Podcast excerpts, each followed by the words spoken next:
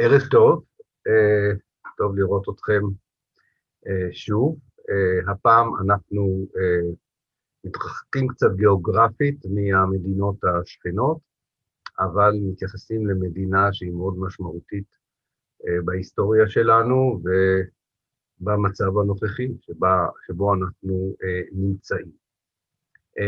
איראן זקוקה, האמת, או הרצאה על איראן צריכה אה, להימשך על פני יותר מפגישה אחת, ואנחנו נעשה פה דילוגים מאוד מאוד רציניים, אה, כדי לפחות לכסות את הנקודות העיקריות שאני הייתי רוצה לשוחח איתכם עליהן.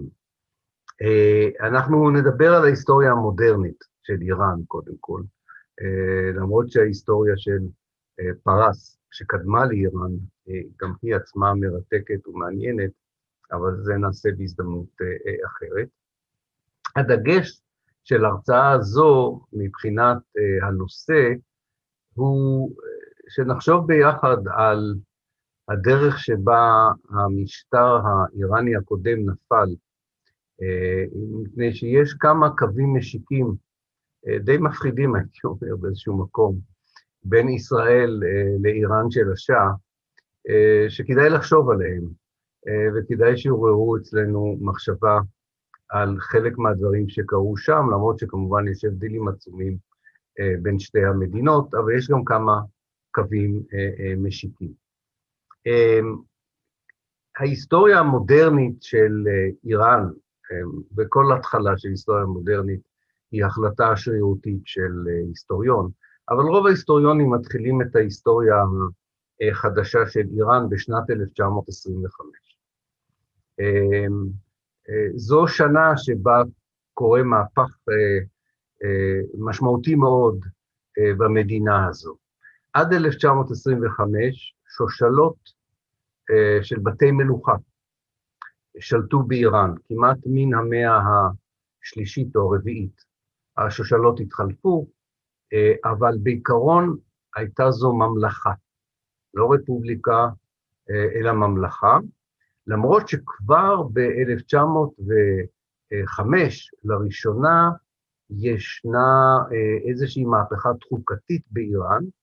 איראן מאמצת חוקה, אחת המדינות הראשונות אה, במזרח התיכון שמאמצת אה, חוקה, ומנסה, על פי החוקה הזו, יש ניסיון למתן קצת את הכוח של בתי המלוכה, או בית המלוכה שהיה אז, ולתת אה, כוח לפרלמנט, הפרלמנט הראשון בהיסטוריה האיראנית שקם ב-1905, וגם אה, לקבוצות באוכלוסייה שלא היו שייכים לבית המלוכה, אה, כמו מעמד הביניים, אנשי, אנשי הדת והאינטליגנציה, ולכן עוד לפני שמתחילה אותה היסטוריה מודרנית שאני מדבר עליה, כדאי אולי להזכיר שלפני מלחמת העולם הראשונה כבר הייתה, היה איזה זרם תת-קרקעי שמנסה להפוך את איראן למדינה יותר דמוקרטית. המהלך הזה של רפורמה חוקתית באיזשהו מקום נעצר ב-1925, 20 שנה אחרי שהחוקה והפרלמנט קמים, ראש ממשלה שנבחר, בסך הכל בבחירות, אדם בשם אה, ריזה שאה, שאה זה שם המשפחה שלו, אה, אה, אדם שנבחר כפוליטיקאי וכגנרל של צבא, מכריז על עצמו כמלך. ומקים, הייתי אומר, יש מאין, בית מלוכה, וגם מוצא שם איראני עתיק וקורא לעצמו בית המלוכה הפהלאווי.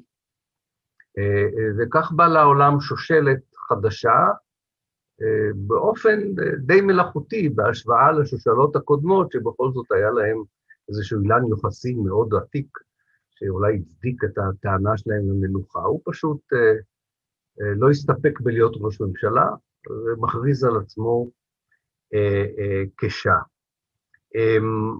ריזה שאה הוא אדם מאוד מעניין, הוא מצד אחד מאוד מערבי, אפשר לקרוא לזה.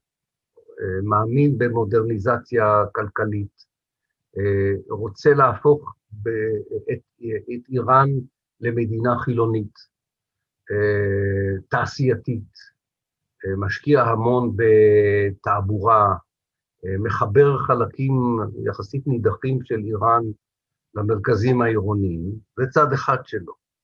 צד שני, הוא בעצמו הכריז על עצמו כמלך, והוא שולט באופן אבסולוטי באיראן בין 1925 עד לנפילתו ב-1941. אחד המודלים, אחד האנשים שמאוד מרתקים אותו הוא אה, מייסדה של טורקיה המודרנית, אטאטורק. הוא די מחכה, שנה בעצם, שנה אחרי שאטאטורק עושה איזושהי רפורמה, אה, אה, ריזה שאה עושה את אותה רפורמה. אחת הרפורמות העיקריות שהן חשובות לענייננו, אולי אחד ההסברים, יהיו הרבה הסברים מדוע כל המשטר החילוני, המלוכני, האופרטיבי הזה נפל בסופו של דבר ב-1979, אחד ההסברים זה שריזה שאה וגם בנו, שיבוא אחריו, האמינו בחילוניות מלמעלה, אם אפשר לקרוא לזה. זאת אומרת, להשתית או להקים חברה חילונית בכוח. אתה צריך להבין, הם נכנסים עם רעיונות החילוניות לחברה שהיא מסורתית, דתית, אה, ויש בתוך החברה הזו כוח רב מאוד לאנשי הדת השיעים. אה, איראן היא שיעית כמעט מהתחלת השיעה, השיעה כמעט, אפשר להגיד שהשיעה נולדה פחות או יותר בין איראן לעיראק של היום, ולכן היא מרכיב מאוד חשוב בחיים של האנשים. והנה כבר ב, ב, ב, עם עלייתו לשלטון הוא, הוא מעביר אה, חוקים שלמשל, אתן לכם דוגמה, הוא, הוא מכניס, אה, ואתם מכירים מספיק את האסלאם כדי להבין על מה אני מדבר, כשאני אומר שהוא מכניס, הוא מכריח את, בתי, את, את המסגדים אה, לשים כיסאות במסגד. אה, אה, הוא למשל אה, מפעיל לחץ על נשים להוריד את החיג'אב, את, את הרעלה, ועוד כל מיני פעולות כמו דרישה מאנשים שלא יתלבשו באופן מסורתי, אלא יתלבשו בלבוש אירופאי, כולל איזה כובעים כאלה שהוא רואה באנגליה ומוצאים חן בעיניו, והוא רוצה שכל הגברים באיראן יחבשו את, ה, את, ה, את הכובעים, והרעלה, מישהו אומר לי שהרעלה באיראן נראית שדור. שדור וחיג'אב זה שני דברים קצת שונים, לא משנה, ניכנס לזה אולי אחר כך. והפעולה הזו מקוממת עליו כמובן קודם כל את הממסד הדתי, אבל הוא גם פוגע ברגשות של הרבה אנשים באיראן שהם לאו דווקא דתיים באופן מיוחד, אבל האסלאם משחק חלק מאוד חשוב אה, אה, בתפקיד שלו. אז יש לנו פה איזה מודל שישמר עד למהפכה האיראנית של אה, שלטון מאוד מרכזי, מאוד ריכוזי, שמנסה להאיץ תהליכים של מודרניזציה והתמרבות, ממש מאיץ אותם. זאת אומרת, הוא לא מחכה למשל שרעיונות חילוניים יתפתחו מלמטה, או שאנשים יחשבו עליהם, הוא כופה חילוניות, הוא גם מאיץ את המודרניזציה בכלכלה, ואנחנו יודעים היום אה, מספיק טוב שכאשר מאיצים מעבר למשל של חברה חקלאית לחברה תעשייתית, בלי ליצור תשתית חינוכית, אה, תשתית תעסוקתית, תשתית של אה, מקום לגור בו, התוצאה היא הרבה יותר גרועה ממה שהיה קודם. זאת אומרת, הפער בין העניים לעשירים גדל, האנשים מאבדים את האדמות שלהם, אבל הם לא מוצאים שום תחליף לאדמות. בקיצור, הוא לא סיפור הצלחה אה, כלכלי, אותו אה, ריזה אה, שעה, והחילוניות הכפויה, אני חושב במיוחד, היא חשובה להמשך דרכנו, כי משהו מההתנגדות הזו לרעיונות שבאים מבחוץ ונכפים בכוח מלמעלה, יזין את גלגלי המהפכה ב-1979. זה לא תהיה הסיבה היחידה וזה לא יהיה השמן היחידי שישמן את הגלגלים, אבל זה יהיה דבר מאוד מאוד חשוב. הוא אגב נופל לא כל כך בשל הכישלונות שלו או האויבים שלו מבפנים. הוא נופל מפני שב-1941 היטלר מחליט שהוא זקוק לנפט האיראני, והוא שולח את הצבא הגרמני, או יחידות של הצבא הגרמני, לפלוש לאיראן. איראן נכבשת לזמן מסוים על ידי הצבא הנאצי ב-1941. הם לא מחזיקים מעמד שם אה, אה, זמן רב. אה, בריטניה, יחד עם ברית המועצות, אה, יוצרות אה, ברית צבאית ומסלקים את, ה, את הגרמנים מאיראן. מאוד מעניין הוא שכמו במזרח התיכון כולו, כמו שבארצות ערב למשל לא התלהבו מבריטניה, ולכן אנחנו יודעים שמנהיגים של תנועות לאומיות ערביות, כולל המנהיג של התנועה הלאומית הפלסטינית, חאג' אמין אל-חוסייני, הלכו על, לפעמים על פי האמרה שהאויב של האויב שלך הוא הידיד שלך.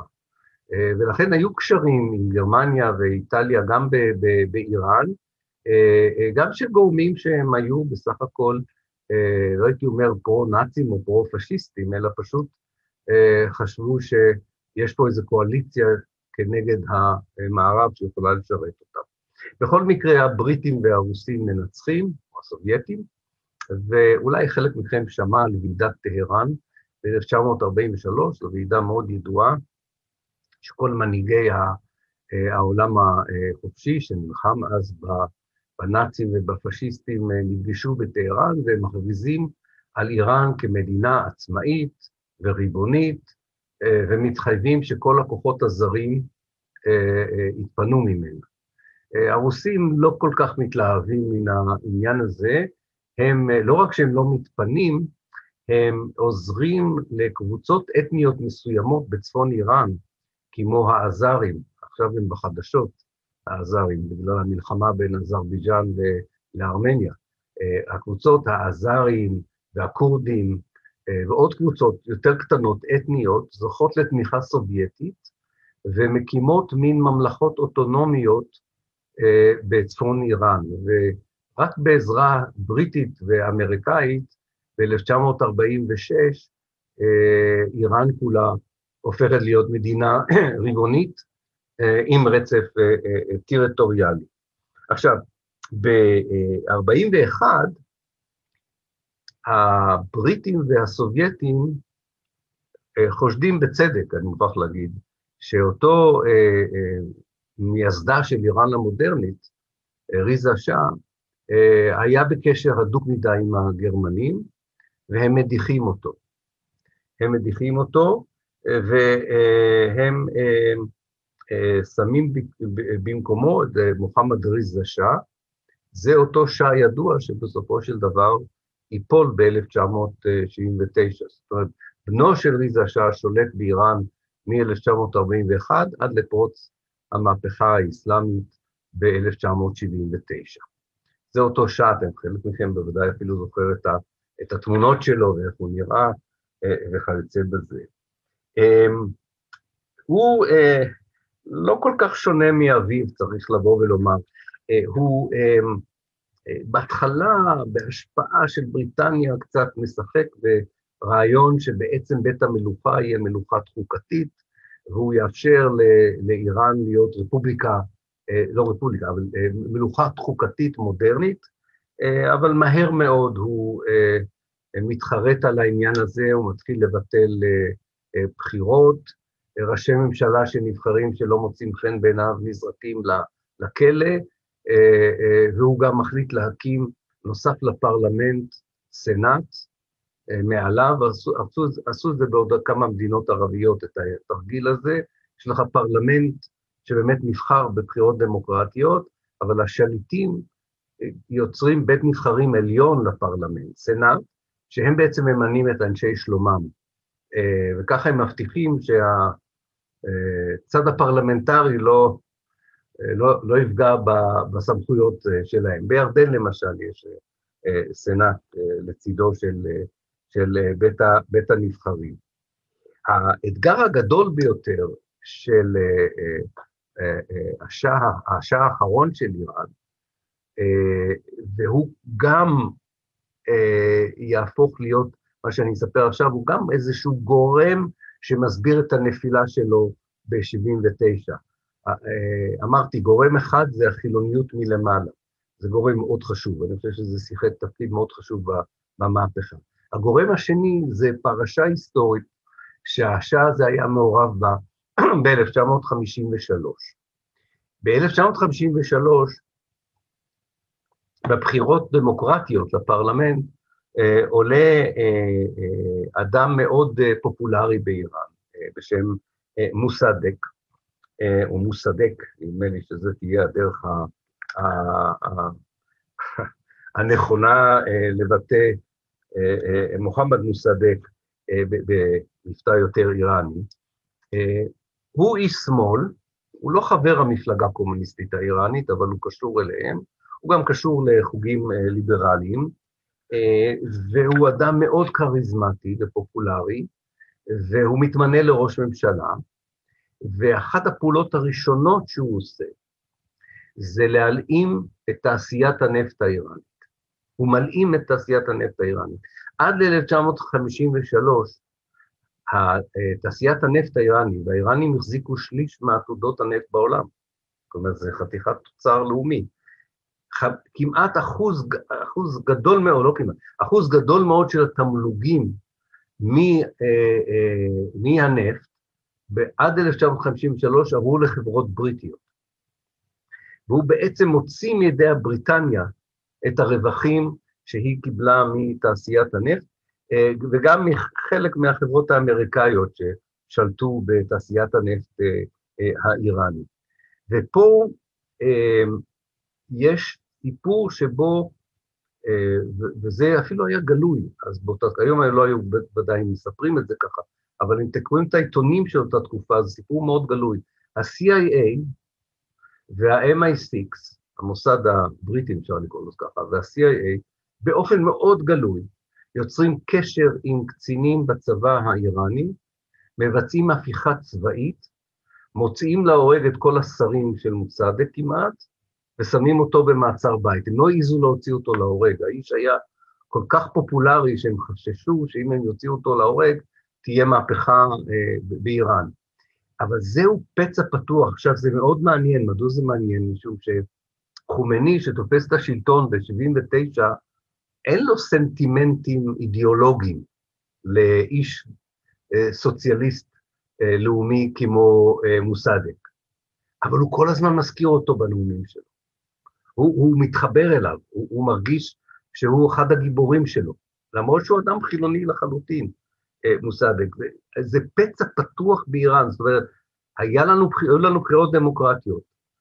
הלאמנו את מה שמגיע לנו, ובאופן מאוד מאוד גלוי, האימפריאליזם המערבי פעל כנגד ההחלטה הדמוקרטית שלנו. אל תשכחו ששלוש שנים לאחר מכן, ג'מאל עבד אל-נאצר עושה אותו דבר בתעלת סואץ, הוא מלאים את תעלת סואץ, והאימפריאליזם המערבי הפעם בעזרתה של ישראל, מגיב לא על ידי הפיכה צבאית בעזרת ה-CIA והמוסד הבריטי, יוצא למלחמה יחד עם צרפת, בריטניה, צרפת וישראל יוצאות למלחמה להפיל את נאצר.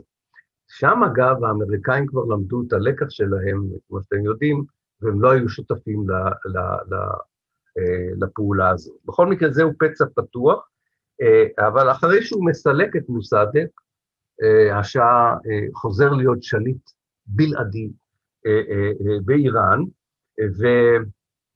ועושה משהו ששוב, איראנים יזכרו את זה כשיבוא יום המהפכה.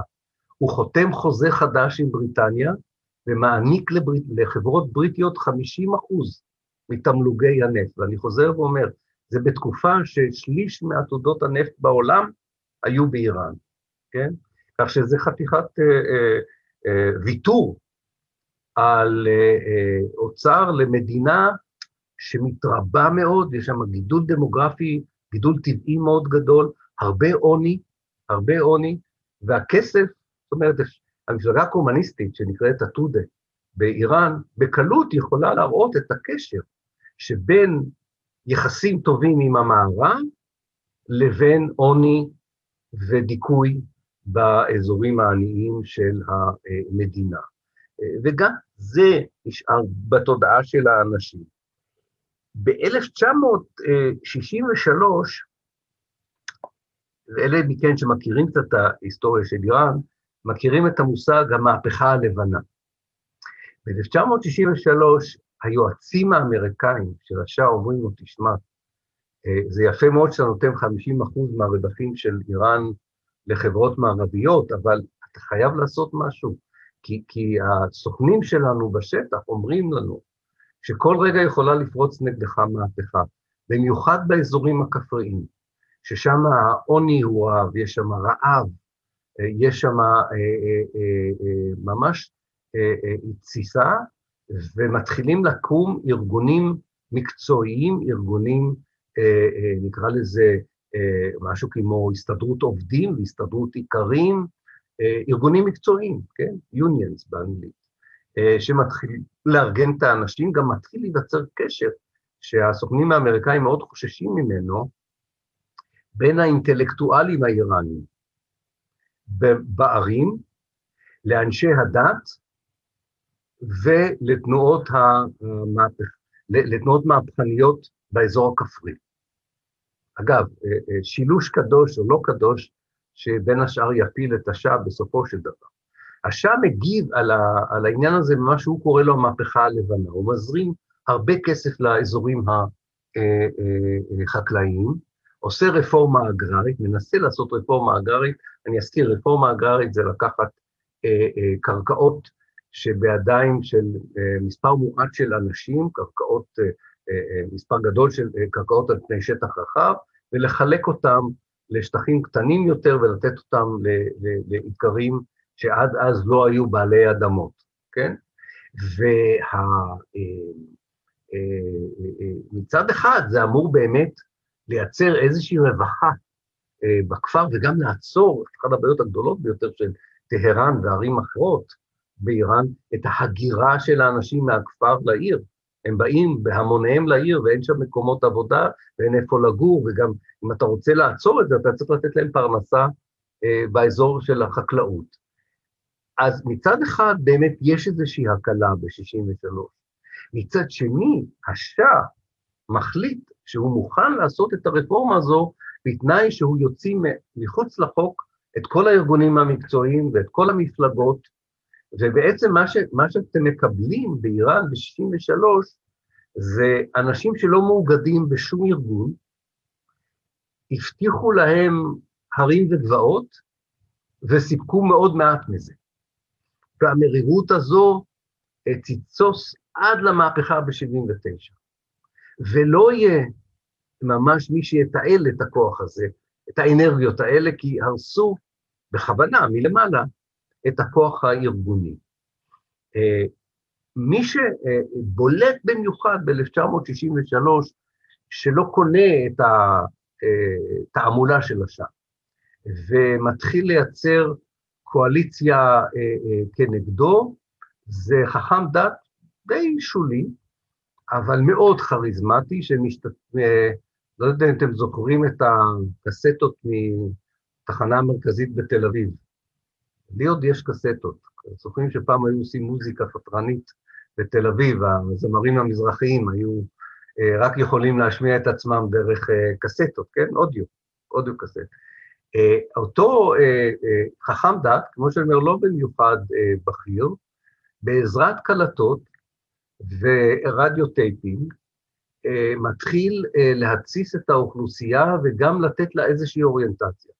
ולאותו אדם קוראים חומני. וב-63' הוא מושך את תשומת ליבו של השלטון, עוצרים אותו, אוסרים אותו ומגלים אותו. הוא יחזור רק ב-79' בטיסה מאוד מפורסמת של אייר פרנס. מי שזוכר את התמונה, הוא יורד מהמטוס ובעצם מקבל לידו את השלטון, חיכה בסבלנות רבה מאוד, זה מ-65 אה, עד 79. בכל מקרה, אה, אה, מ-63, כן, עד 79, אה, אה, והוא מצליח לשכנע הרבה אנשים שבעצם המהפכה הלבנה אה, אה, נכשלה.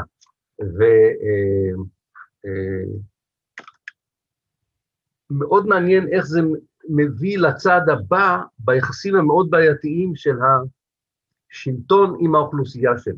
וכאן, לצערי, ישראל נכנסת ולא לא במקום כל כך טוב. או לא לצערי כבר, אני לא יודע, לא משנה כל כך מה. אבל מה שחשוב זה מה שקרה. ב-1965 בעצם היועצים האמריקאים אומרים לשאה, המהפכה הלבנה שלך לא הצליחה. ויש להם המון סוכנים, אז הם יודעים, כן? המרירות נמשכת, ההגירה אל העיר נמשכת, הכלכלה, אה, למרות שאתם מדינה נורא עשירה, הכלכלה לא צומחת, והעוני הוא רב, ובעיקר המרירות כנגדך הולכת וגדלה, ואז הוא צריך להקים איזשהו ארגון שיעזור לו לדכא אה, את הפוטנציאל של המרירות כנגדו. והוא מזמין יועצים מישראל, שניהלו את השב"כ, והם עוזרים לו להקים את הסב"כ. זה משהו אחר בפרסית, אבל זה נשמע די דומה, שב"כ וסב"כ.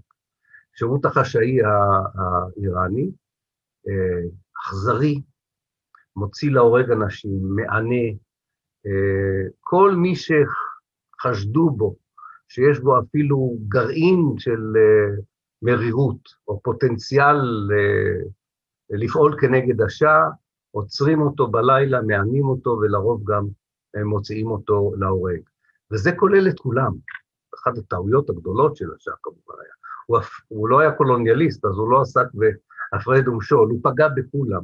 הוא פגע במפלגה הקומוניסטית, הוא פגע באינטלקטואלים הליברליים, הוא פגע במנהיגי הדת, הוא פגע במנהיגי האיגודים המקצועיים, הוא פגע בכפריים, ובעיקר הוא פגע באנשים שבדרך כלל היו מאוד מאוד uh, uh, נאמנים לכל משטר, אנשי הבזאר. אנשי השוק באיראן הם אנשים מאוד חשובים, אנשי הבזאר. הבזארים, השוק, ב, ב, ב, השוק ב, באיראן זה לא שוק כרמל, זה לא שוק, אה, איך קוראים לו בחיפה, תלפיות.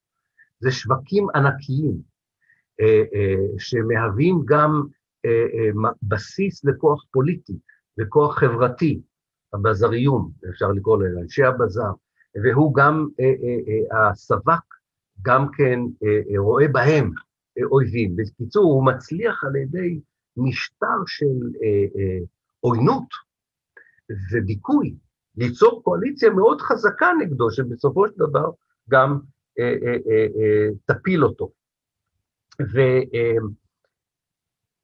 ובשנות אה, ה-70, שוב, במין החלטה, לא יודע אם אפשר לקרוא לזה החלטה שגויה, לא החלטה שגויה, אני חושב שמשטרים אה, דכאניים שנופלים, הם נופלים כי הם דכאניים, לא כי הם עושים, לא מקבלים החלטות לא נכונות, אבל בספרות אוהבים מדי פעם לבוא ולהגיד שהיו לו אופציות. והוא לא השתמש באופציות הנכונות, אז אני צריך להזכיר את זה.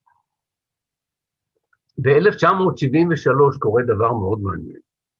בעקבות מלחמת יום כיפור, שאנחנו בעצם עכשיו בדיוק אה, נזכרים בה בחודשים אלה, מלחמת אוקטובר 73, כמו שאתם בוודאי יודעים מידע אישי, אולי אפילו מזיכרון, אה, מדינות אה, המפיקות הנפט הערביות, אופק, מטילים אמברגו על נפט לארצות הברית ואירופה, כחלק מהניסיון ללחוץ על המערב לשנות את המדיניות שלו כלפי הסכסוך, כלפי השאלה הפלסטינית. זה אמברגו הנפט הידוע, שבגללו, מי שזוכר את זה בארץ, אנחנו, היה לנו אה, תווית קטנה על המכונית, שהיא אמרה לנו באיזה יום אסור לנו לנהוג, אני לא יודע אם אתם עוד זוכרים את זה. וגם באירופה יש יום שכן נתן לה, יום נתן לו. השאה האיראני פורש מאופק, מלאים את כל הנפט, הוציא את כל החברות המערביות, אבל מפר את החרם. ובגלל שלמשך איזה שנה וחצי, הוא, איראן היא היחידה שמוכרת נפט, איראן מתעשרת בצורה בלתי רגילה. מי זה איראן שמתעשרת? הקופה הציבורית האיראנית, כן, מתמלאת בדולרים. עכשיו, מה עושה השעה עם הכסף הזה? שני דברים הוא עושה. וזה מדהים, אתה חושב על זה. אחד, אין נשק בעולם שהוא לא קונה. Uh, ועל פי uh, uh, השנתון האסטרטגי של 74, איראן הייתה המעצמה הצבאית הכי חזקה במזרח התיכון, והמעצמה השלישית בכוחה בעולם. יש לו צבא אדיר, צבא חזק. היום ישראל היא המעצמה הצבאית העיקרית בעולם. לכן אני אומר, זה לחשוב על ההיסטוריות האלה קצת במקביל. דבר שני שהוא עושה, הוא עושה חגיגות לשלושת אלפים שנה לפרס. Uh, תחפשו קצת בגוגל על החגיגות האלה, אני, uh, זה פשוט מדהים. אני חושב שאין שם דבר אחד שהוא לא ציפה בזהב טהור או ביהלומים. זאת אומרת, ההוצאות על המופע הזה, שהוא בעצם המלך הפרסי שמחזיר את עטרת פרס ליושנה, אה, אה, זה פרס של כורש, כן? הוא רואה את עצמו ככורש, המלך כורש אה, חזר לתביעה, והוא מוציא המון כסף על, ה, על, ה, על הטקס הזה. זאת אומרת, יש פה הוצאות כלכליות עצומות על שני פרויקטים שבסופו של דבר לא אה, משפרים את הכלכלה, לא מחבבים אותו בקרב אותן קבוצות שנאבקים אה, אה, בו, וכבר ב-73-74 יש קבוצות גרילה של שמאל וקבוצות גרילה של ימין, שבאזורים יותר נידחים באיראן מתחילים מלחמת גרילה כנגד המשטר האיראני. אולי הקבוצה המעניינת ביותר היא קבוצה שנקראה מוג'הידין אל-חלק, שזה, למרות שזה יישמע לכם אבסורדי, אבל זה קורה. זה שמאל אה, שיעי אה, איראני, זאת אומרת, הם גם אנשי שמאל וגם אנשים מאוד דתיים. אתם רוצים לדעת איך זה עובד? תיכנסו לאתר שלהם, הם עדיין קיימים היום, תראו איך משלבים בין קומוניזם לשיעיזם. אפשר כנראה, אפשר הכל, הכל לשבת, כן. אה, ו... הקבוצה הזו מתחילה ממש מאבק רציני. האמת היא שהיא תורמת המון להחלשת כוחו של המשטר, אבל זה לא עוזר להם כשהמשטר של המהפכה יעלה, הם לא ייראו אה, אה, בעלי ברית מתאימים למשטר החדש, והם נרדפים עד היום, אבל הם גם נאבקים אה, עד היום לשנות את איראן המהפכנית. עכשיו, בסופו של דבר, אה, אה, כל האירועים האלה אה, מביאים אותנו לתחילתו של המהפך באיראן, שמתחיל בינואר 1978. אבל רק, רק כדי לסכם, אני אבוא ואומר, אנחנו די משוכנעים היום כהיסטוריונים של איראן, שהש... ש... שמהפכות קורות משילוב של זרמים תת-קרקעיים. לא מזרם אחד, זרמים ש... מתחברים לזרם אדיר וחזק. ופה זה היה קשור למדיניות כלכלית כושלת, לקרבה עצומה לאימפריאליזם מערבי, שהיו הוכחות לאיך שהוא פגע כלכלית ולאומית באיראן, לחילוניות מלמעלה, חילוניות בכוח, ששיפרה את מעמד האישה, צריך להגיד את זה, כלומר את זה, שיפרה את מעמד האישה באיראן, אבל יצרה אנטגוניזם עצום אה, בקרב אה, הממסד הדתי ובקרב הרבה חלקים של החברה היותר מסורתית, אה, וחוסר יכולת לקרב אפילו קבוצה אחת מכל הקבוצות שהרכיבו את הקואליציה כנגד השעה. לכן באמת היה שם זרימה עצומה שהתחברה, או יש הרבה אנשים שאומרים, התחברה דרך השוק של טהרן בסופו של דבר. זאת אומרת, בסופו של דבר, הקבוצה האחרונה שמתחברת לאנשי הדת, הליברליים,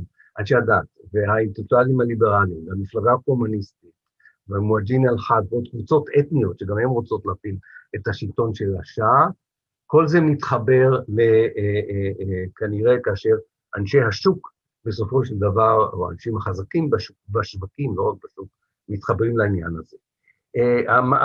גם ההפגנות הראשונות מתחילות בשוק בינואר 1978, והשאה במשך שנה, במשך שנה מדכא בצורה אכזרית ביותר את כל ההפגנות נגדו, אבל הוא לא מצליח לעצור את זה. הוא לא מצליח לעצור, ההפגנות רק הולכות וגדלות, הולכות וגדלות. אנחנו מדברים פה על מיליונים. בינואר 79 הוא פשוט אה, בורח. או בורח למצרים. ויש איזה ניסיון, שהמון חברים שלי באיראן היום מבכים שהוא לא יחזיק מעמד. הייתה באמת קואליציה מדהימה, אולי אפשר לקרוא לזה ממשלת אחדות, כן? של אנשי הדת, אנשי הימין הליברלי, המפלגה הקומוניסטית, כולם ביחד, כן? הקימו ממשלה ופרלמנט, והייתה תחושה של, הנה, הולך לקרות משהו לגמרי אה, אה, חדש. מה שעוד עזר לתחושה הזו, אחרי שהשאר אה, עוזב, שבפברואר 79' גם הצבא האיראני מצטרף למהפכנים, כן? מצטרף למהפכנים, ובאפריל 79', זה תאריך מאוד חשוב, באפריל 79', בהוראה של חומני, יש משאל עם אמיתי, דמוקרטי, באיראן, האם האיראנים מוכנים להקים משטר מהפכני ברוח הדת. ואחוז גדול מאוד מצביע בעד, צריך להגיד את זה. חשוב להגיד את זה, שהמשטר המהפכני באיראן הדתי לא עלה בכוח, הוא עלה בבחירה, דרך בחירה. אלא מאי? אחרי שחומני אה, אה, אה, חוזר, הוא מתחיל לחסל את כל השותפים שלו, משמאל ומימין, ואנשי דת יותר מתונים, כל מי שמפריע לו, לקיים תיאוקרטיה, משטר דתי, הלכתי, שיעי, אה, על פי הבנתו, על פי הבנתו, וזה משטר מאוד אה, מקפיד בענייני מוסר ובענייני אה, לבוש, וענייני, הייתי אומר כמעט, פרשנות מאוד קפדנית של חוקי הדת, כולל ענישות של, שעל פי, פי איזו תפיסה מאוד מאוד קשוחה של כל הנושא הדתי, והוא כמובן מכריז על עצמו כמנהיג העליון, זאת אומרת, הוא הופך את עצמו לישות שהיא מעל הישויות הפוליטיות, וזה הופך את איראן באופן רשמי לתיאוקרטיה דתית. צריך להגיד שבנובמבר, בתחילת נובמבר 1979, אנשי משמרות המהפכה שפומני מקים, הוא מקים אותם גם כמשמרות צניעות ומוסר, שמקפידות על המרחב הציבורי, שיהיה דתי, וגם ככוח, שיהיה לו צבא קטן משלו אל מול הצבא הרשמי, או כוחות הביטחון הרשמיים, והם הם, אה, אה, אה, אחת הפעולות הראשונות שהם עושים אחרי שהם קמו, הם משתלטים על השגרירות האמריקאית, אתם אולי זוכרים את זה, והולכים בני ערובה את כל מי שישב בשגרירות האמריקאית. הנשיא באותה תקופה זה הנשיא קרטר, שצריך לבוא ולומר שיש איזו קצת אירוניה, שהנשיא קרטר בשנה האחרונה של השעה, הוא עלה, קרטר נבחר ב-74, אם אני לא טועה, נדמה לי בפעם הראשונה, אבל יכול להיות שאני כל לא זוכר את השנה שנבחר. בכל זאת, קרטר הוביל מדיניות שאמרה שמשטרים שלא מכבדים זכויות אדם וזכויות אזרח, ארה"ב תקצץ בסיוע הצבאי למדינות הללו. אה, הוא לא כלל את אה, ישראל בעניין הזה, אבל הוא כן כלל את איראן, ובעצם הוא התחיל להפעיל לחץ על השאה גם בנושא הזה, ומצא את עצמו במשבר שבו אנשי השגרירות הפכו לשבויים בידי משמרות המהפכה. זה מאוד העלה את הפופולריות של חומני, זה נתן לו עוד איזו דחיפה להעביר עוד כמה חוקים לא קלים שהפכו את איראן לתיאוקרטיה אפילו, הייתי אומר, אה, אה, אה, קשוחה יותר. וכדי להשלים קצת את, ה, את, ה, את ההיסטוריה הזו לפני שנסיים ונסכם, לא פחות חשוב מבחינת ההסבר איך משטר כזה, שבסך הכל ביצע תליות פומביות, הוצאות להורג פומביות, אנשים מאוד פופולריים, כולל אנשי תרבות מאוד פופולריים, מאבדים את חייהם במהלך הזה של חומני לחסל את שותפיו ולהקים אה, אה, אה, משטר מהפכני, הוא עדיין מאוד פופולרי בתחילת שנות ה-80 בחוגי השמאל האירופאי ובמערב, צריך להגיד את זה, הוא לא היה מפלצת בעיניים רבות.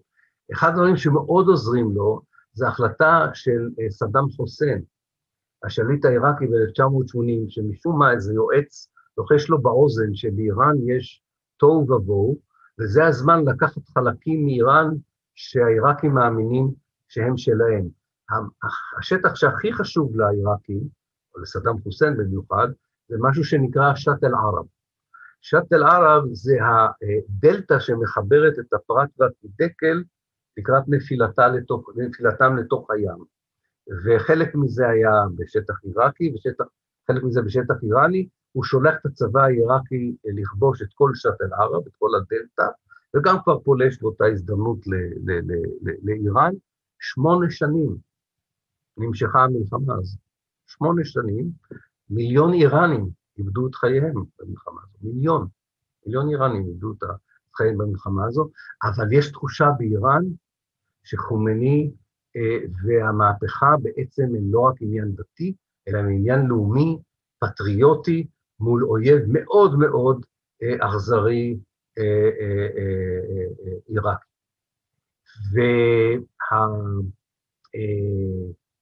ובאותה תקופה, לראשונה, ואני חושב שזה בסוף אותה תקופה, לדעתי בסוף אותה תקופה, 87, 88,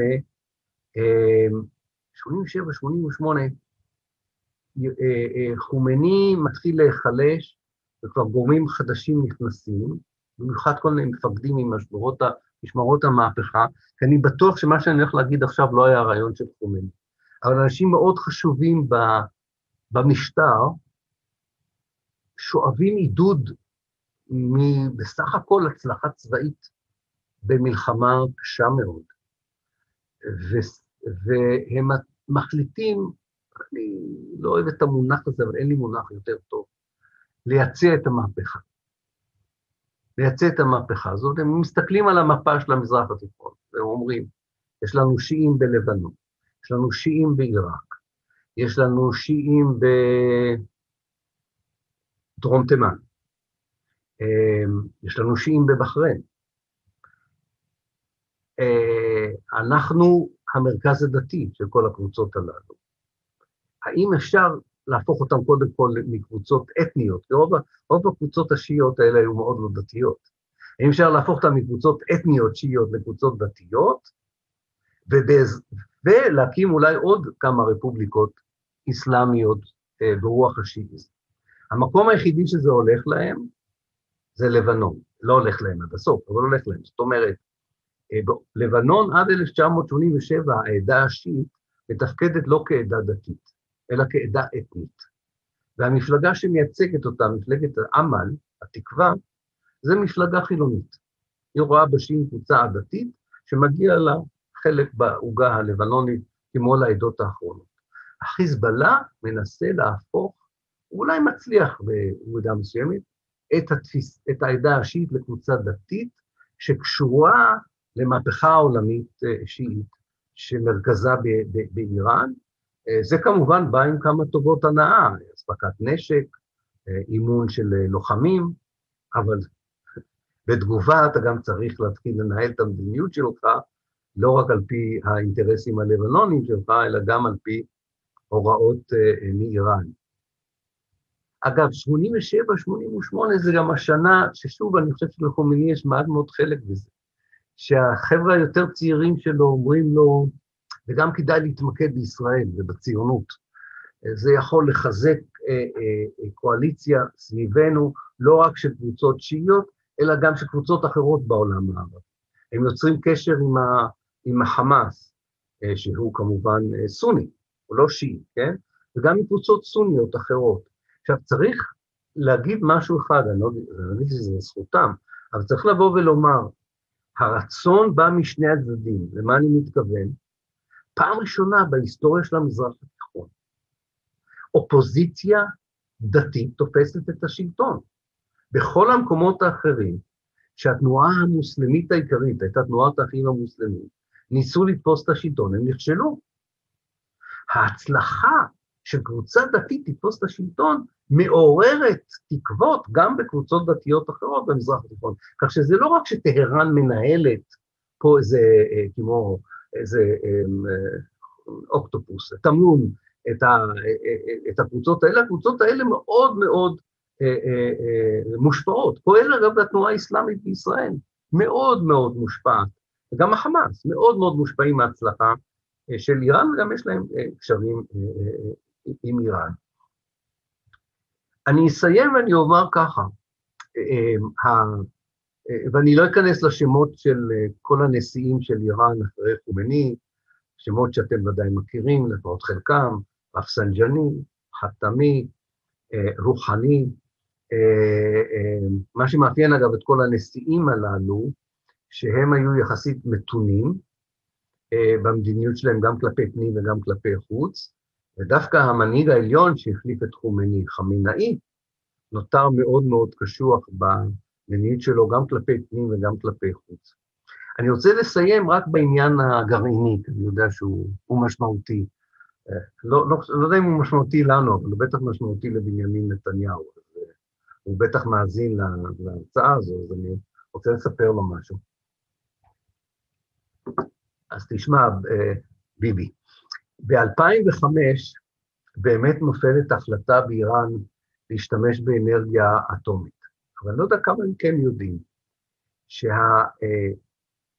העליון, חמינאי, הוציא, הוציא פתווה, אזכיר לכולם מה זה פתווה, כן? פסק הלכה מחייב, מחייב לחלוטין, כן? שהוא מצווה דתית. בעצם פסק הלכה שהופך למצווה דתית. המנהיג העליון, חמינאי, הוציא צו שהאנרגיה האטומית לעולם לא, לא השתמשו בה לבניית נשק גרעיני. זאת אומרת, אנחנו לא בונים נשק גרעיני, אנחנו כן רוצים לגרען את איראן ולהפוך אותה למדינה אה, מודרנית. עכשיו, אני לא מתווכח עם סוכנות האנרגיה האטומית הבינלאומית, אני לא יודע אם הם כן מצאו או לא מצאו את העדויות שהם צריכים, אה, כי הדוחות האלה, אני פעם קראתי אותם קצת יותר אה, בעיון, ואני לא מומחה, אז אני נזהר פה, אבל אני כל הזמן שם לב שיש יש הבדל עצום בין להגיד, יש לבן אדם בבית את כל החומרים ליצור פצצה, אבל מהחומרים האלה גם אפשר לבנות uh, תחנת חשמל. זאת אומרת, צריך קצת להוכיח ש, ש, ש, שהכוונה היא להשתמש בחומרים האלה לדברים האלה. זה, זה, זה לא מספיק להגיד שיש. עכשיו, אני חושב שבבסיס הסכם הגרעין בין אירופה ואובמה, אחר כך אה, טראמפ יצא מההסכם הזה, בהסכם הגרעין בין אירופה לאיראן יש בדיוק את ההבנה הזו. יש איזה חשד, בגלל שעלו לשלטון בינתיים, מאז 2005, טיפוסים כמו אחמיניג'אד, נשיא איראן, שהוא באמת אה, טיפוס אה, קיצוני, אז יש רצון, בהחלט, והאיראנים מוכנים לשחק את המשחק הזה של להשגיח שבאמת זה השימוש שעושים בחומרים. בעוד שהתביעה של טראמפ ונתניהו, שלא יהיה להם את החומרים האלה בבית, כי הם איראנים, אי אפשר לסמוך עליהם, כן? זה פחות, אני יודע שזה פשטני קצת, אבל אני חושב שצריך להבין את הנושא הזה. אני, אה, שוב, אני אה, מתנצל שזה לגמרי אה, עמדה אינטואיטיבית, אני לא מומחה גדול לגרעין, ו... אבל אני כן די עוקב מקרוב ממה שקורה באיראן, יש לי תלמידים לשעבר שם וכולי. אני די משוכנע שאין שום כוונה באיראן לבנות נשק גרעיני. יש כן כוונה להשתמש בשיח על נשק גרעיני כהרתעה, חשש מאוד גדול של ישראל, אה, יש את היכולות הללו, וגם השיח הזה על כיבוש ישראל והשמדת ישראל, אני חושב שהוא יותר לתצרוכת פנימית מאשר אה, תוכנית אסטרטגית אה, בנויה לתלפיות. אני גם חושב שיש שם מאבקי כוח, שלא תמיד מאפשרים לאיראנים לנהל אולי את המדיניות שהם היו רוצים מטהרן. כך למשל משמרות אה, אה, איך הוא נקרא עם חבר'ה של ירושלים, דודי ירושלים, כן, שהם חלק ממשמרות המהפכה, היו מעורבים שלא בטובתם בניסיון להציל את המשטר של אסד בסוריה ב-2012, יחד עם החיזבאללה. אגב, עזרו לעצור את המדינה האסלאמית, זה מה שקורה במזרח התיכון. צריך להגיד, תדעו לכם שאיראנים לא מעטים בעיראק ובסוריה עזרו אה, אה, אה, לעצור את המדינה האסלאמית. זה מעניין שבעולם המערבי מזכירים רק את הכורדים כמי שעצרו את המדינה האסלאמית. די הרבה אנשי חיזבאללה שילמו בחייהם כדי שלמשל המדינה האסלאמית לא תיכנס ללבנון ולא תתבסס בסוריה. אז זה ככה סיפור מהצד.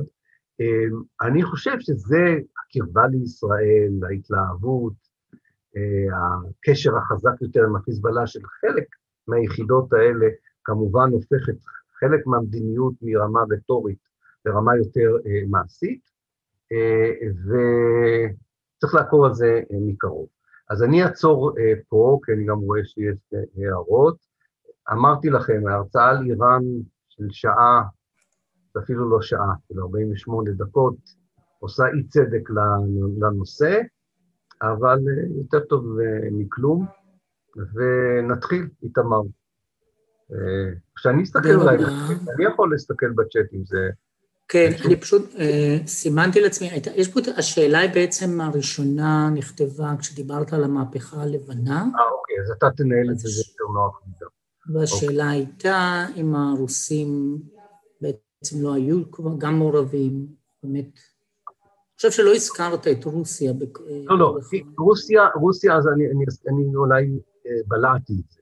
אה, הרוסים בסופו של דבר מסולקים מאיראן ב-46', וגם הממלכות האוטונומיות האלה שהם הקימו בצפון איראן מפורקות ב-46'.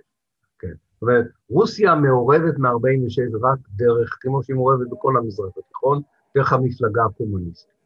אבל כבר אין נוכחות צבאית ברוסית מאז 1946 אה, באיראן. אוקיי. גם, גם לא נוכחות כמו אמריקאים דרך אה, מודיעין, ביון. לא, לא, לא, אז אולי כדאי לה, עוד פעם להבהיר את העניין הזה. אה, אחרי שה-CIA מפיל את משטרו של מוסדק, מוסדק, ב-1953, איראן מכריזה פומבית שהיא חלק ממערב שקוראים לו סיאטו, שהוא בעצם בעלות הברית של נאט"ו במזרח התיכון. אה, אגב, ישראל נורא רצתה להצטרף. עם הברית הזו היו טורקיה ואיראן. ובן גוריון לחץ ולחץ על נאט"ו, הוא אמר, תראו, יש שלוש מדינות לא ערביות במזרח התיכון, טורקיה, איראן וישראל, אה, והוא נורא רצה להכניס אותם. וזה מאוד מעניין, נאט"ו סירבה שישראל תהיה חלק מברית ברורה עם הארגון. אה, יואל שואל, אמ, אם תוכל להבהיר את המופרכות של השימוש וההצבעה על איראן כמעין תירוץ ואיש קש כדי לתקוף את לבנון, סוריה, פלסטינים וכו', או כוחות לא סונים על ידי ארצות הברית, ישראל ובנות בריתה, ומדוע כן. ההפחדה הזאת עצמה, נושא הגרעין היא רק רטורית ורק תירוץ, וחלק משימוש וניצול המתח הסוני-שיעי כדי להתחבר לסוניזם הסעודי והמדינות הקשורות בו. או כאמור לתקוף מי שלא כפוף לו, נושאים גם בוערים וגם לא מובנים עקב המיינסטרים. טוב, כן. כן, כן, אני, אני חושב שיש פה באמת אה, אה, עניין שאנחנו מכירים ממקומות אחרים בזמן המלחמה הקרה, כמו דרום אמריקה, מרכז אמריקה, דרום מזרח אסיה ואפריקה.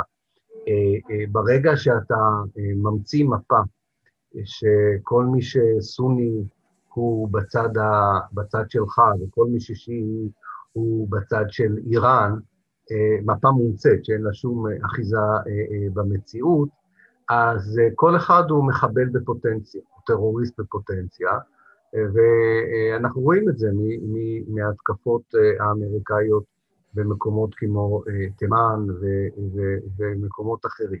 מצד שני, צריך לבוא ולומר, יש מיליציות אה, פעילות, אה, ופה זה עניין של הביצה והתרנגולת, שמתקיפים מדי פעם בסיסים אמריקאים, כמו החיזבאללה העיראקי שהתקיף לה שנה, כתגובה על רצח סולמני בסיס של האמריקאים במה שנקרא האזור הירוק, הריבוע הירוק שבו רוב היום, שכחתי היום קוראים לזה, אה, איפה שכל ה... גרינזון.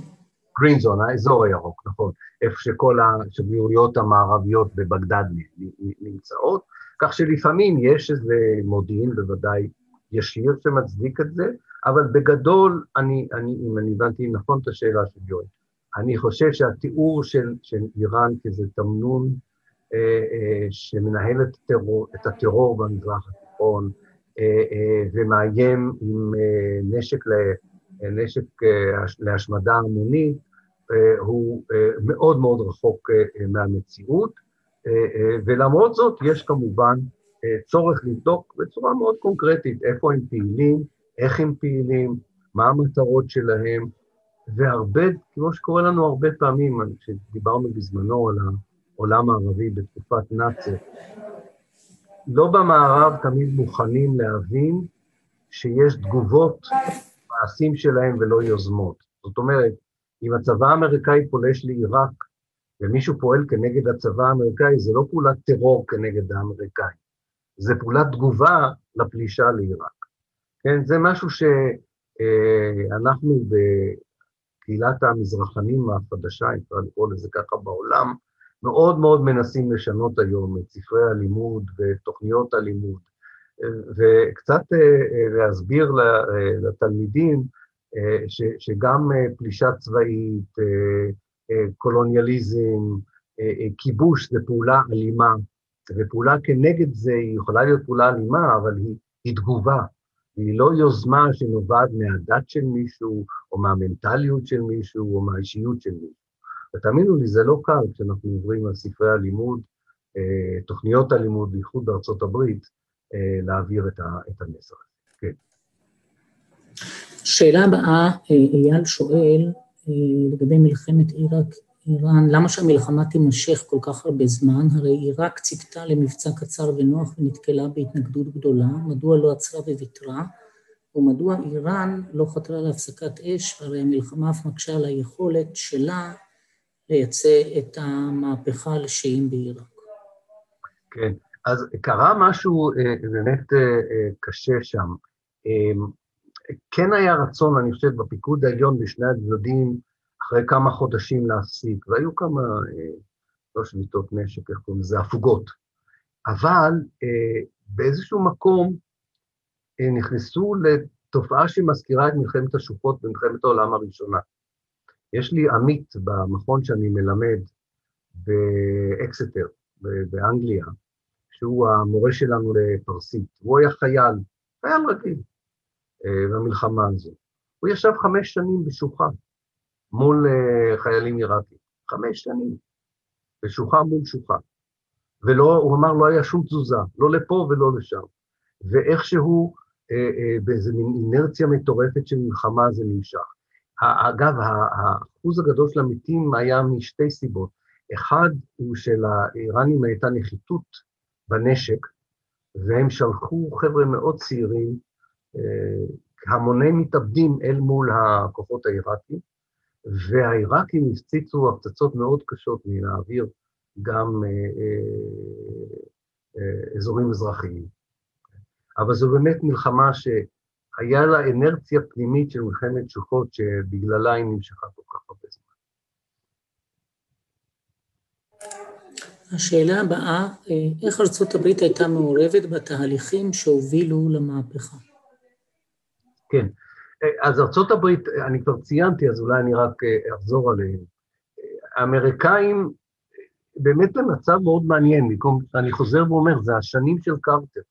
נשיא דמוקרטי עם תפיסת עולם מוסרית, ואני לא אומר את זה באופן ציני, שבחלקים היה לו תפוסה מוסרית, והוא מתחיל להעביר את אה, חקיקה בסנאט ובקונגרס, שמדינות כמו איראן, אה, כאמור, לא יקבלו את אותו סיוע צבאיים, הם לא ישמרו על זכויות אזרח וזכויות אה, אדם, מצד אחד, אבל הוא גם לא האיש הכי חזק בוושינגטון, הקומפלקס הצבאי-תעשייתי ממשיך למכור לאיראן אה, אה, נשק, ה-CIA ממשיך להיות בקשר הדוק עם איראן.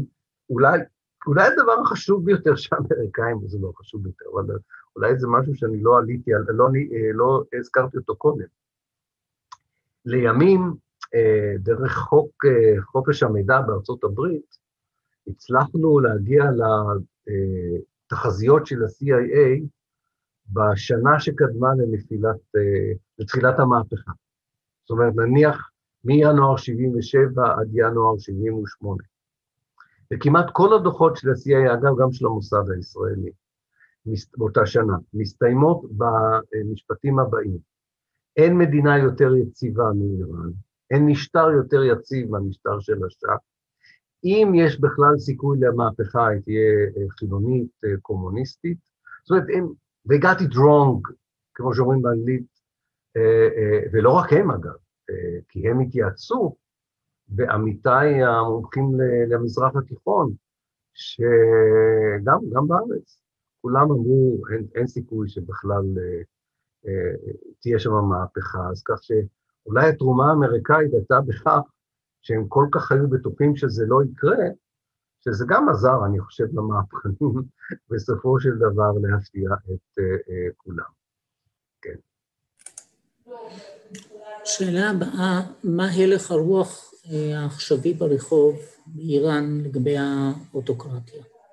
כן, אז שוב, פה אני, אה, אה, אולי חלק מכם ראה כמה סרטי תעודה, ואולי אפילו סרטים, סרטי עלילה שהגיעו לחלק מהפסטיבלים של יוצרים איראנים שעדיין יוצרים באיראן. יש שם ככה, כמה שאני הבנתי, ואני מסתמך בעיקר על הקשרים שלי עם הרבה אנשים שגרים שם, יש קודם כל תת-תרבות של חופש, שהיא לא צעקנית והיא לא אה, מוחצנת, אה, אבל איך אמר לי חבר אחד מטהרן, זה על פי מספר אה, צלחות הלוויין על הגגות, אתה יכול לדעת אה, מי חי איך בתוך הבתים שלו, כן? עכשיו, מדי פעם משמרות המהפכה באים ומסירים את, את צלחות הלוויין, אבל הן חוזרות אחרי יום. אה, כך שיש גם את התופעה הזו. יש, כמו שאתם יודעים, את הגל הירוק ותנועות מחאה שמדוכאות באופן מאוד מאוד חריף, אבל אה, לא, לא מוכרעות, הן קיימות. הן קיימות והן יכולות כל פעם להתפרץ מחדש. כך שאני חושב שיש נתח חשוב באוכלוסייה, בעיקר העירונית, בעיקר המשכילה, בעיקר סביב מעמד הביניים, ש...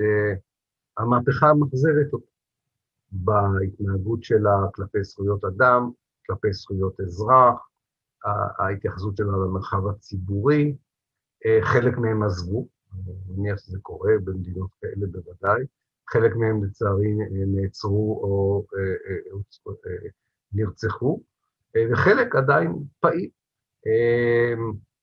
תלוי שוב, באיראן יש גם מתח עצום בתוך המשטר. בין ענף שמחזיק ב, בתוכנית ליותר דמוקרטיזציה, יותר ליברליזציה, יותר חירויות, פחות משטר תיאוקרטי קפדני, מול זרם מאוד שמרני וחזק. וככל, אגב, יש קשר בין הלחץ החיצוני והסנקציות שארה"ב מטילה על הכוח של כל אחד משני האנשים האלה. אנחנו באמצע הסיפור הזה מבחינה היסטורית. לא כדאי לחזות איך הוא ייגמר ומתי הוא ייגמר. אני חושב שזה פרק מעבר, זה לא, זה לא התמונה של איראן בעוד 30-40 שנה, אבל uh, זה כמובן לא שווה הרבה, כי אני לא אהיה פה עוד 40 שנה לבדוק את זה. יכול להרשות לעצמי להגיד את זה, כן. אה, שאלה לגבי הנפט האיראני. מה... צריך להגיד, לא, לא, יהיה בסדר, אתה גם תהיה בגיל 100. אוקיי, לא. אה, סליחה. מרוכז בשאלה. מרוכז בשאלה, בסדר. אמ, אז השאלה לגבי הנפט האיראני, אה, מה עשה הממשל המהפכני? האם שמר על ההלאמה או הפריד, והאם חזר התיאום עם אופק? ולמי מכרה נפט איראן המהפכנית? כלומר, כן. בעיקר למי מכרה? כן. אז קודם כל, הנפט באיראן מולאם. החברה הלאומית האיראנית אה, מנהלת את כל הנפט, כל התמלוגים הולכים לאוצר האיראני. אה, אין שם הפרטה של הנפט, אם כי בתקופה של הנשיא רפסנג'ני וגם רוחני, יש הפרטה מאוד גדולה של השוק עצמו. הכלכלה האיראנית היום הרבה יותר מופרטת ממה שהייתה, נגיד, 20 שנה קודם לכן. עכשיו, איראן חברה באופק. האיראנים מוכרים, כמו שלמדנו מכל הסיפור של מכירת הנשק אה, דרך, ה...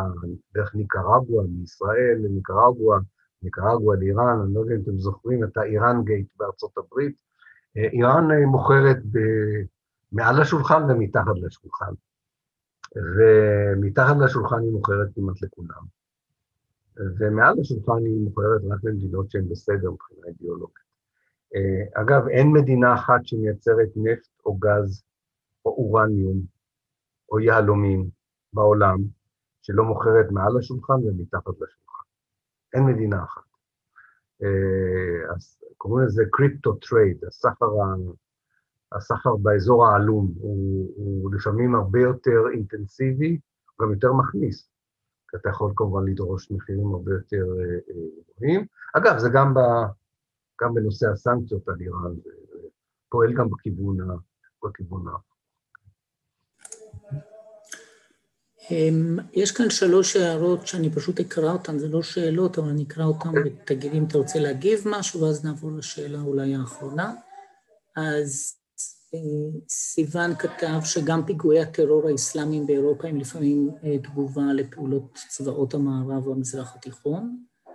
אה, נועה כותבת, האיראנים שלחו ילדים לשדות מוקשים על מנת לפרק אותם, וסמיר כותב שארצות הברית סיפקה נשק לעיראק בזמן מלחמת איראן-עיראק. קודם כל תודה על שלוש ההערות, אני חושב שהן נכונות. אני אומר שחלק ממה שנקרא הפיגועים הטרוריסטיים באירופה, אה, לא רק שהן תגובות על, אה, על, על מה שקורה במזרח התיכון, חלק מהמקרים הן תגובות גם על הדרך שבה מהגרים מוסלמים אה, חווים את חוויית אי הקליטה והעוני והדיכוי. לא שזה מצדיק כמובן, חס וחלילה, לא תבין אותנו. אבל זה נכון שחלק מהדברים... בכלל, יש איזו נטייה אה, בעניין הטרור, אה, לא אה, אה, לבלבל קצת בין האופי של הפעולה, האופי הוא טרוריסטי, לבין הסיבות לפעולה, כן? והסיבות אה, לפעולה יכולות להיות כנגד כיבוש, כנגד דיכוי. אה, יש די מעט טרוריסטים שהם טרוריסטים for the fun of it. זאת אומרת שהם סתם אוהבים פשוט להרוג, או שהמוח שלהם לגמרי התעוות והם פשוט, תגיד, הורגים אה, סתם מישהו שהם אוהבים. יש גם כאלה, אני מניח, אבל אנחנו יודעים ממחקרים שנעשו למשל בארץ, אני גם כתבתי על זה משהו בעברית, אם תרצו כבר תוכלו למצוא את זה ברשת, נקרא פרופיל של סכינאי. אה, אני עקבתי אחרי כל העניין הזה ב-89-90 של אה, של אה, פועלים שהתייחסו להם כמו עבדים ודקרו את המעסיקים שלהם, או את, באופן רנדומלי בתל אביב וכולי.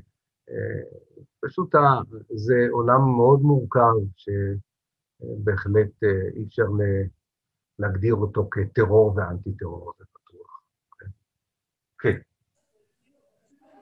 אמ, יואל כותב, הוא גם, זה לא מנוסח כשאלה, אז אני פשוט אקריא, אה, איראן היא פשוט חלק מציר ההתנגדות, ואותו ציר נותנים לו במתכוון גוון דתי שיעי, ומשמיצים אותו.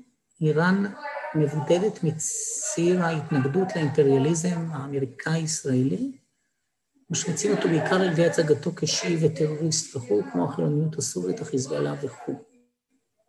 כן, אני חושב שהציר הזה, בגלל שהוא כולל את סוריה, לא, שהיא לא שיעית, אז אם הציר הזה כולל גם את סוריה, כן, זה ניסיון אה, להתנגד ל, לאימפריאליזם האמריקאי, אה, אבל אה, אה, זה לא אה, פוטר אותנו מביקורת גם על המשטרים האלה ומה שהם עושים למתנגדיהם. אה, מה לעשות, החיים מורכבים והתמונה צריכה להיות מורכבת, וצריך מאוד מאוד להיזהר לא... אה, לא אה, לצייר שחור לבן בכל הכיוונים, כן, מהבחינה הזו. אה, תמיד אני אומר לאנשים, תסתכלו על סוריה ותחשבו 16 פעם לפני שאתם אומרים במי אתם תומכים שם. זה, העולם מורכב מהבחינה הזו, בהחלט, צריך להגיד, כן. תודה רבה. יופי. לא שאלו עוד שאלות. אמ, שיהיה לכולם אה, ערב טוב ובריאות. ועוד שבועיים נטוס לבחריין. ועוד שבועיים אנחנו בבחריין? כן. שיעור הבא בדובאי. לא נכון, על דובאי. על דובאי. לא רק דובאי, אבל נדבר קצת על המפרץ הפרסי. אוקיי. אז לילה טוב לכולם, להתראות. תודה רבה, להתראות. ביי.